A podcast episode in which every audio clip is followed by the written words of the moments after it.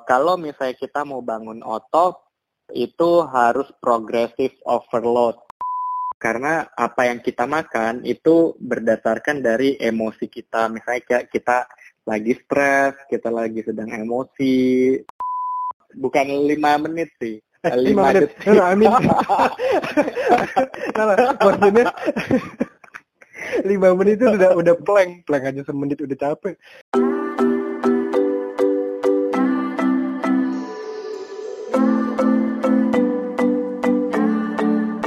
So, welcome back to Rain's Fit Podcast with me Rain as your host dan kali ini kita bakalan ngobrol bareng Firman Ardiansyah at Superman for President Certified Fitness Trainer dari APKI, Asosiasi Pelatih Kebugaran Indonesia dan juga Sports Nutrition Advisor. Nah, di episode kali ini kita bakalan ngobrolin tentang tetap sehat selama hashtag di rumah aja. And without further ado, let me call him.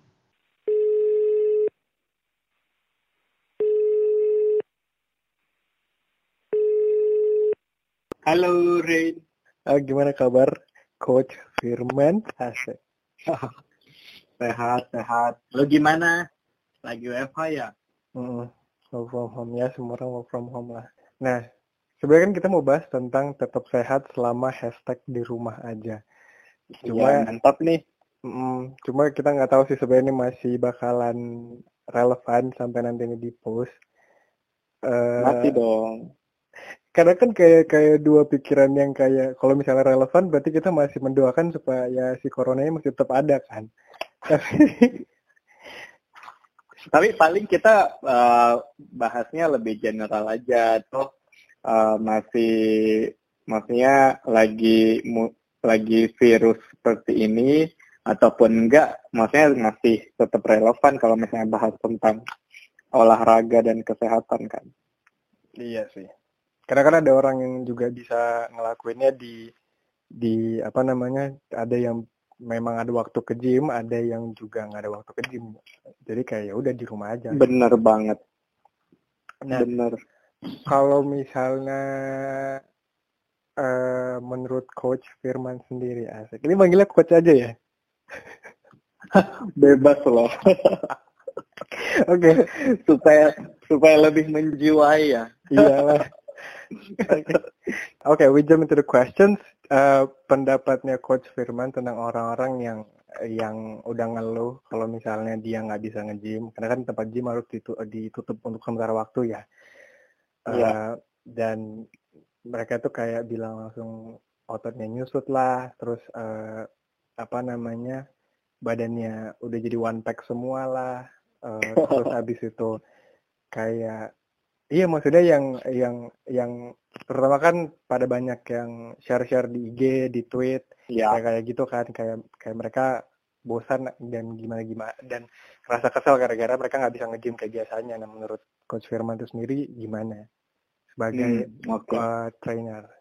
Uh, kalau gue kalau gue perhatiin ya sebenarnya gini kalau kita bicara tentang kesehatan sebenarnya olahraga itu kan buat sehat tapi kalau misalnya balik lagi ada beberapa orang bilang menganggap misalnya ototnya nyusut ada perubahan misalnya dari nge-gym di mega gym atau di tempat fitness terus sekarang di uh, home workout gitu kan tapi balik lagi dari teorinya sebenarnya orang olahraga itu kan sebenarnya untuk sehat Mhm. Nah, terus ada juga kalau misalnya kita breakdown orang-orang yang suka nge-gym, itu kan kita nggak bisa pukul rata gitu. Misalnya pengertian sehat atau mau buat badan lebih bagus. Soalnya kebutuhan orang-orang eh, berbeda-beda gitu.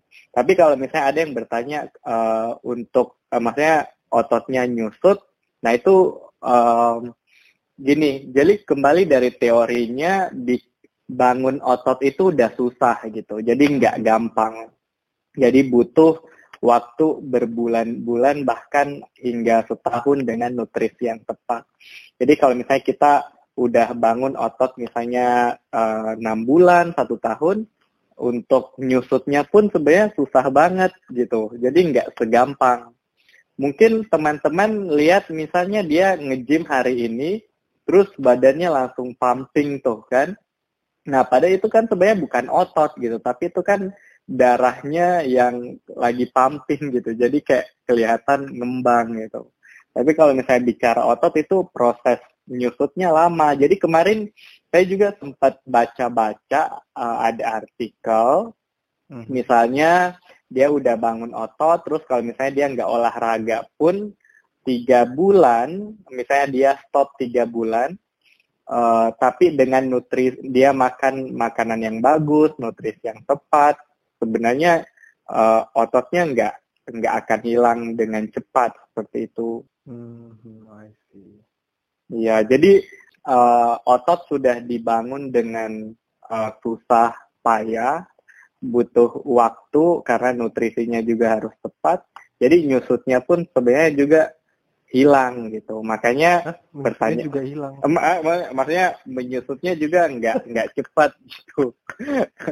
Jadi nggak ini misalnya kayak kita baru work from home kan kayak tiga minggu. Maksudnya nggak hmm. nggak langsung secepat itu. Makanya kita harus maintain dengan uh, olahraga di rumah seperti itu. Nah kalau misalnya uh, mungkin perbedaannya dari ini kali ya uh, peralatan bisa jadi karena kan di rumah belum yeah. tentu semua orang punya alat-alatnya. Mm. Terus juga, nah kalau misalnya tadi kita ngomongin tentang uh, home workout, apakah sebenarnya si home workout ini sama sama efektifnya dengan kita workout di gym juga? At, uh, yeah. Atau juga misalnya kayak olahraga apa sih yang sebenarnya bisa kita lakukan di rumah? Entah itu misalnya push up, pull up, dan tujuannya itu kan sebenarnya sama-sama ngebentuk dan ngebangun ototnya. Maksudnya uh, itu sama-sama efektif nggak sih sesuai dengan yang biasa dilakuin di gym gitu? Iya. Yang aku pelajari kan aku kemarin ambil itu tuh yang aku cerita uh, Ren, aku kan ambil certification tuh. Uh -huh.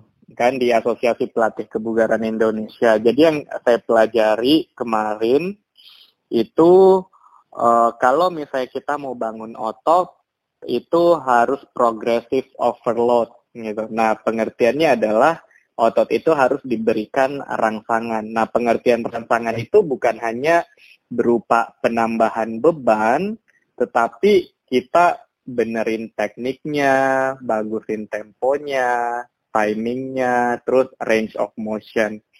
Uh, contohnya gini, misalnya untuk uh, untuk kembangin uh, otot uh, chest dada hmm. gitu kan misalnya yang paling gampang apa sih push up kan hmm. nah kalau di gym kan kita pakainya misalnya chest press gitu kan yang ada alat mesin kan tapi sebenarnya kita juga sebenarnya bisa pakai uh, badan kita sendiri dengan push up seperti itu. Sebenarnya kan sama aja. Nah, biasanya misal orang uh, bisa misalnya orang yang pemula banget uh, nggak bisa push up yang uh, full gitu kan. Misalnya dari kaki sampai kepala. Nah biasanya dia pakai knee lututnya gitu. Mm -hmm. nah misalnya dia cuma, awalnya cuma bisa lutut uh, terus dia push up. Nah sekarang dia belajar gimana bisa full uh, full body gitu untuk melakukan push up Nah itu kan udah ada peningkatan dari ini sampai ke uh, kakinya berdiri nggak pakai lutut lagi. Nah misalnya orang yang udah bisa push up yang uh, full body dari kaki sampai kemarin saya lihat ada beberapa misalnya yang post di Instagram dia cepet banget tuh uh, push upnya padahal uh, dia nggak misalnya bagusin tekniknya misalnya teknik yang bagus itu adalah dia turun ke bawah terus uh, lengannya nggak sampai keluar agak ke dalam. Terus dia sampai range of motionnya itu sampai tinggi gitu.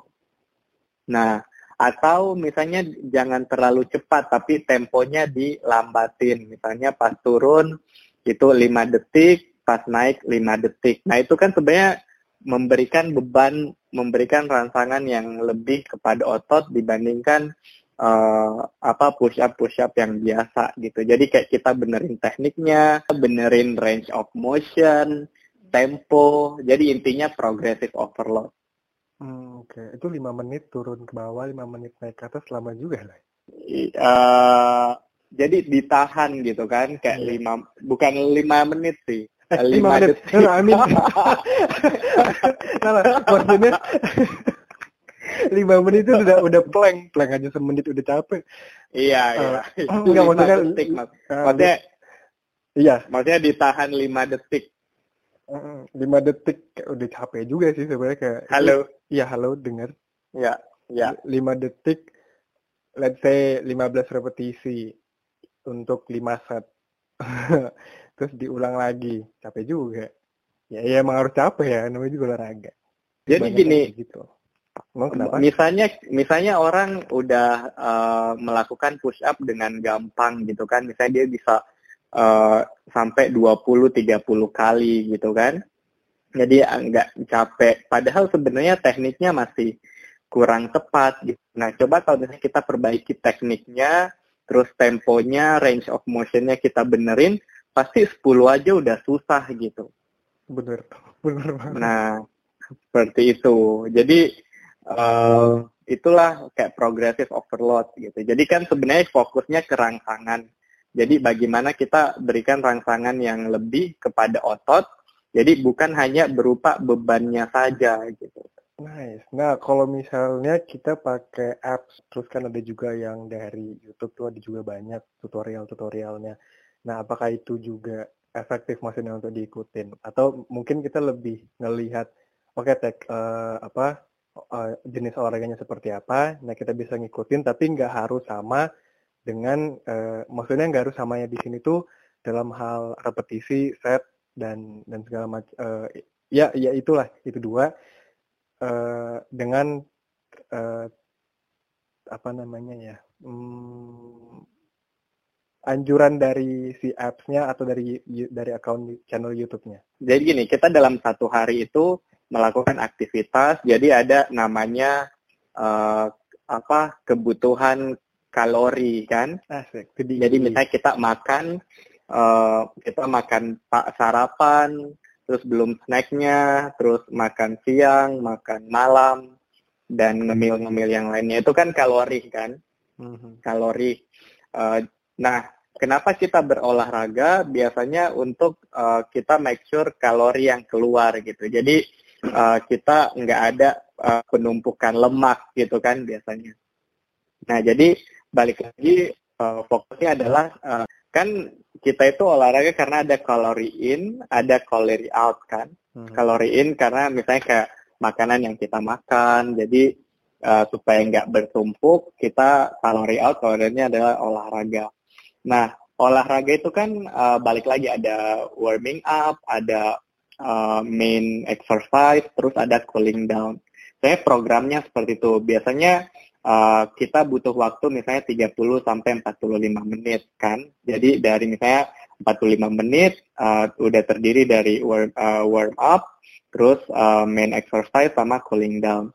Nah biasanya kan orang yang eh, belum paham, dia kan nggak ngerti cara program desain olahraga itu seperti apa. Nah makanya kita butuhkan apps yang bisa nyediain eh, kira-kira latihan apa saja yang kita bisa contohin atau kita nonton YouTube eh, dan kita bisa ikutin. Jadi sebenarnya eh, itu untuk membantu kita dalam proses olahraga. Jadi bagus banget. Jadi kayak kita tinggal ikutin gerakannya. Tapi intinya semua kan supaya tubuh kita bergerak. Jadi eh, ada proses pembakaran yang terjadi. Mhm. Berarti memang balik lagi intinya adalah kita olahraga supaya sehat. It's not just to to to get the the good body kan. Maksudnya kadang kan banyak orang yang berpikiran kalau olahraga ya intinya cuma dia pengen dapat badan yang bagus. But I think it's just a bonus gitu.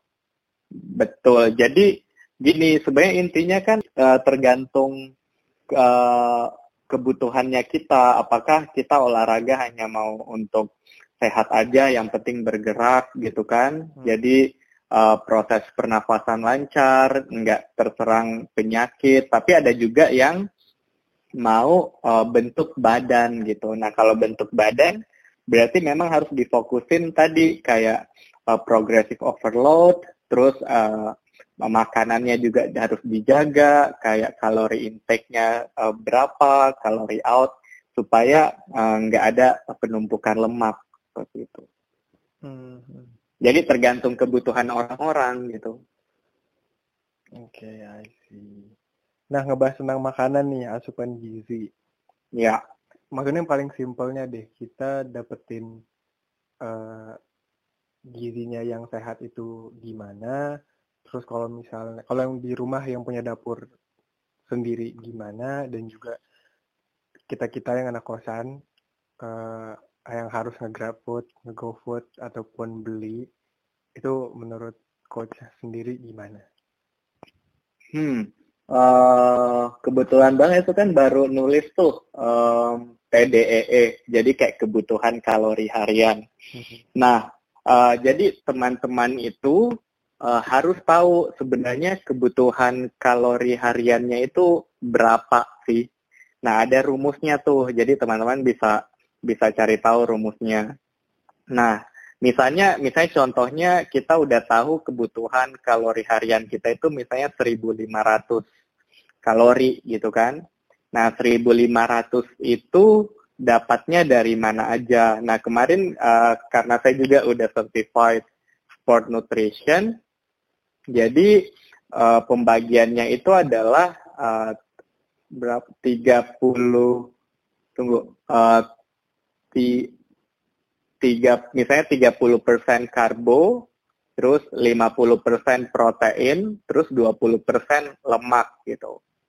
Nah, 1500 misalnya kita bagi, misalnya kita tiga kali makan sehari, berarti sekali makan 500 kalori, misalnya terus siang misalnya 500, terus uh, malam 500. Jadi kebutuhan kalori kita sehari uh, uh, terpenuhi. Nah, kita mikir lagi, misalnya untuk dapat 500 kalori, misalnya kita uh, satu uh, nasi nasi untuk karbonya atau kentang atau misalnya ubi gitu kan. Jadi karbohidratnya dapat dari mana aja. Terus protein misalnya dada ayam atau ikan. Terus uh, terus sayur-sayurannya juga sebagai sumber uh, vitaminnya uh, seperti itu. Untuk lemak ya nggak usah soalnya setiap makanan yang kita beli kan udah mengandung lemak sebenarnya. Jadi sebenarnya kita perhatikan adalah misalnya karbohidratnya, karbohidrat kompleks, terus protein, terus vitamin-vitaminnya misalnya dari sayur atau buah seperti itu.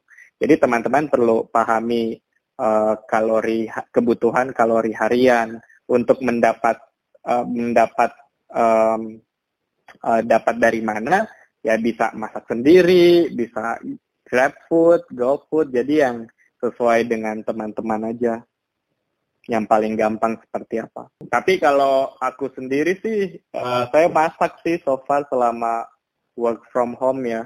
Jadi misalnya udah beli dada ayam, udah beli ubi, jadi saya tinggal masak sendiri. Jadi lebih irit sih dan lebih irit lebih bersahabat di kantong. Tapi memang uh, ini nih ada satu pertanyaan juga yang uh, keluar juga gara-gara kita ngebahas tentang makanan. Yang lagi pengen yang lagi pengen sehat, yang lagi pengen bentuk badan. Apakah itu uh, makanannya itu uh, harus yang sebenarnya lebih ke rebus-rebus, terus abis itu masaknya nggak pakai minyak, atau kita makan makanan yang ada minyak yang nggak apa-apa, atau juga mungkin uh, setelah enam hari kita makannya yang sehat-sehat nih, tapi satu hari ada cheating day. Is that okay atau gimana? Hmm, gini, jadi untuk uh, bicara tentang pola makan itu sebenarnya susah banget. Jadi kita kita juga harus belajar kenali tubuh kita karena uh, karena apa yang kita makan itu berdasarkan dari emosi kita. Misalnya kita lagi stres, kita lagi sedang emosi, banyaklah mempengaruhi uh, pola makan kita. Tapi intinya adalah kalau misalnya teman-teman sudah tahu kebutuhan kalori harian, apa yang teman-teman makan itu harus sesuai dengan uh, sesuai dengan jumlah kebutuhan kalori kalian gitu. Misalnya kalian kebutuhan kalorinya adalah 1500, berarti kalian hitung-hitung aja gitu. Misalnya kayak oh saya makan siang ini udah berapa kalori ya oh udah udah misalnya udah 400 gitu. Oh, berarti butuh 1100 gitu kan lagi hmm. sisanya gitu. Nah, um, balik lagi tadi pertanyaannya um, kalau misalnya ada cheating day seperti apa. Jadi gini, jadi itu dibebaskan aja gitu. Yang penting kita ada improvement. Nah, cara improvementnya itu adalah kita evaluasi per minggu gitu. Misalnya, misalnya gini, satu minggu sebelumnya saya makan semua kotor semua tuh junk food, uh, gorengan, semua dari Senin sampai Minggu gitu kan, tujuh hari berturut-turut nggak wow. sehat semua. Nah terus uh, terus saya mau improve nih, saya mau meninggalkan um, meninggalkan kebiasaan lama saya. Terus minggu ke depan saya lebih bagus. Misalnya saya makan sehat uh, dari lima hari, uh, dua ha lima hari, uh, lima hari misalnya makan seperti kebiasaan lama, tapi dua harinya uh, yang baru gitu.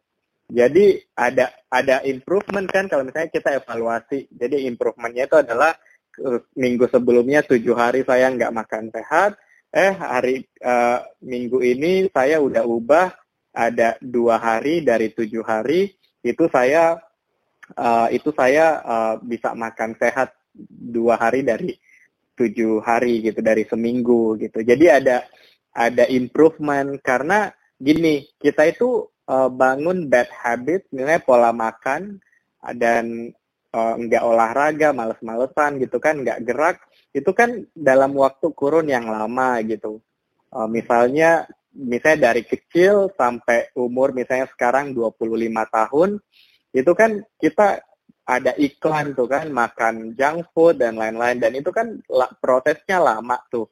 Nah, untuk kembali lagi ke uh, pola uh, habit yang benar, nah itu nggak segampang main satu hari gitu. Jadi butuh proses lama juga gitu. Jadi uh, continuous learning lah jadi sama-sama belajar. Saya pun sekarang masih sama-sama masih belajar karena saya makan contohnya brand-brand yang saya sebut, misalnya saya makan McDonald, uh, junk food gitu kan, KFC, atau misalnya kopi yang gulanya banyak banget tuh. Nah itu kan saya udah bertahun-tahun konsumsi itu. Terus kalau saya mau tinggalkan kan nggak secepat uh, membalikan telapak tangan gitu. Jadi saya harus belajar juga seperti itu. I see. Nice nice info. Kita juga tahu kalau misalnya semuanya harus dilakukan bertahap. Jadi iya bertahap. Enggak enggak bisa dengan sekejap berubah. Ya mungkin bisa sih, tapi paling bertahannya ya paling seminggu, paling lama sebulan. ya nggak sih. Abis itu udah malas lagi, berubah lagi. Iya, makanya apa ya pelan-pelan aja gitu. Jadi ukurnya itu jangan langsung seharian berubah gitu, tapi uh, ukur per minggu gitu. Misalnya per minggu lebih gampang. Misalnya minggu kemarin uh, saya makan junk food atau makan snack atau makan gorengan uh, berapa kali dalam seminggu. Eh minggu ini saya latih misalnya berapa hari dalam. Jadi nilainya berkurang. Jadi jangan langsung dikurangin semua. Memang susah gitu. Pasti akan balik lagi. Pasti nyerah gitu. Jadi enjoy aja. Jadi kenali tubuh kalian, kenali kenapa sih uh, harus makan karbohidrat kompleks, bukan karbo yang jahat gitu kan, yang kenapa, ken jadi harus mengerti dulu kenapa apa manfaatnya buat tubuh. Misalnya protein sebenarnya manfaatnya buat tubuh apa sih? Terus misalnya kayak sayur-sayuran, kenapa kita harus makan sayur-sayuran? Jadi definisinya dulu kita harus mengerti why-nya supaya kita lebih uh, menikmati makanannya gitu. Oh, saya makan sayur yang banyak, makan protein banyak karena saya cinta sama tubuh saya gitu. Seperti itu. Kalau kita lebih mengerti tubuh kita dan makan fungsi makanannya, pasti kita lebih appreciate apa yang kita makan dan kita lebih mau meninggalkan makanan-makanan yang dulu kita uh, makan yang jelek-jelek seperti itu. Berarti inti utamanya adalah kita harus ngerti dulu eh, apa pengertiannya, kenapa alasannya, dan yang utamanya sih kita tahu kalau kita mencintai diri kita terlebih dahulu, baru kita tahu eh, apa yang sebaiknya kita konsumsi. Gitu kan? Betul sekali. Ah, oke. Okay. Pertanyaannya udah habis semua dan udah habis ya. dan udah terjawab, sangat-sangat terjawab. Uh, mungkin sebagai pesan terakhir, kayak pesan buat teman-teman uh, teman-teman yang lagi pengen uh, bentuk badan atau juga lagi pengen uh, nerapin pola hidup sehat, uh, gimana? Uh, pesan saya adalah um, merubah habit, merubah pola makan, merubah uh, apa fitness level kita itu uh, enggak mudah gitu. Jadi uh, enggak segampang um, membalikan telapak tangan seperti yang saya bilang tadi. Nah, caranya supaya lebih mudah adalah dinikmati gitu. Jadi jangan pasang uh, target yang terlalu sulit, padahal tubuh kita nggak siap untuk menjalani. Jadi dinikmati saja, uh, belajar pelan-pelan, jangan jangan langsung uh, berlebihan targetnya. Jadi yang achievable. Jadi uh, apa pun single step atau single move, a, a small step, small move itu sangat berarti untuk uh, perkembangannya. Jadi jangan dilihat hanya dalam sehari atau sebulan, tapi lihat perubahannya dalam setahun seperti itu dari jangka waktu lama. Oke, okay, nice. Thank you banget Coach Firman udah mau di Sama-sama, Rain. Dan itu dia teman-teman. Dan buat teman-teman yang mau nanya Coach Firman bisa langsung follow di Instagramnya Superman for President atau juga dari websitenya Superman for President.com. Iya, itu dia. Thank you coach ya yeah, thank you Ray. Ya yeah, bye. Stay safe.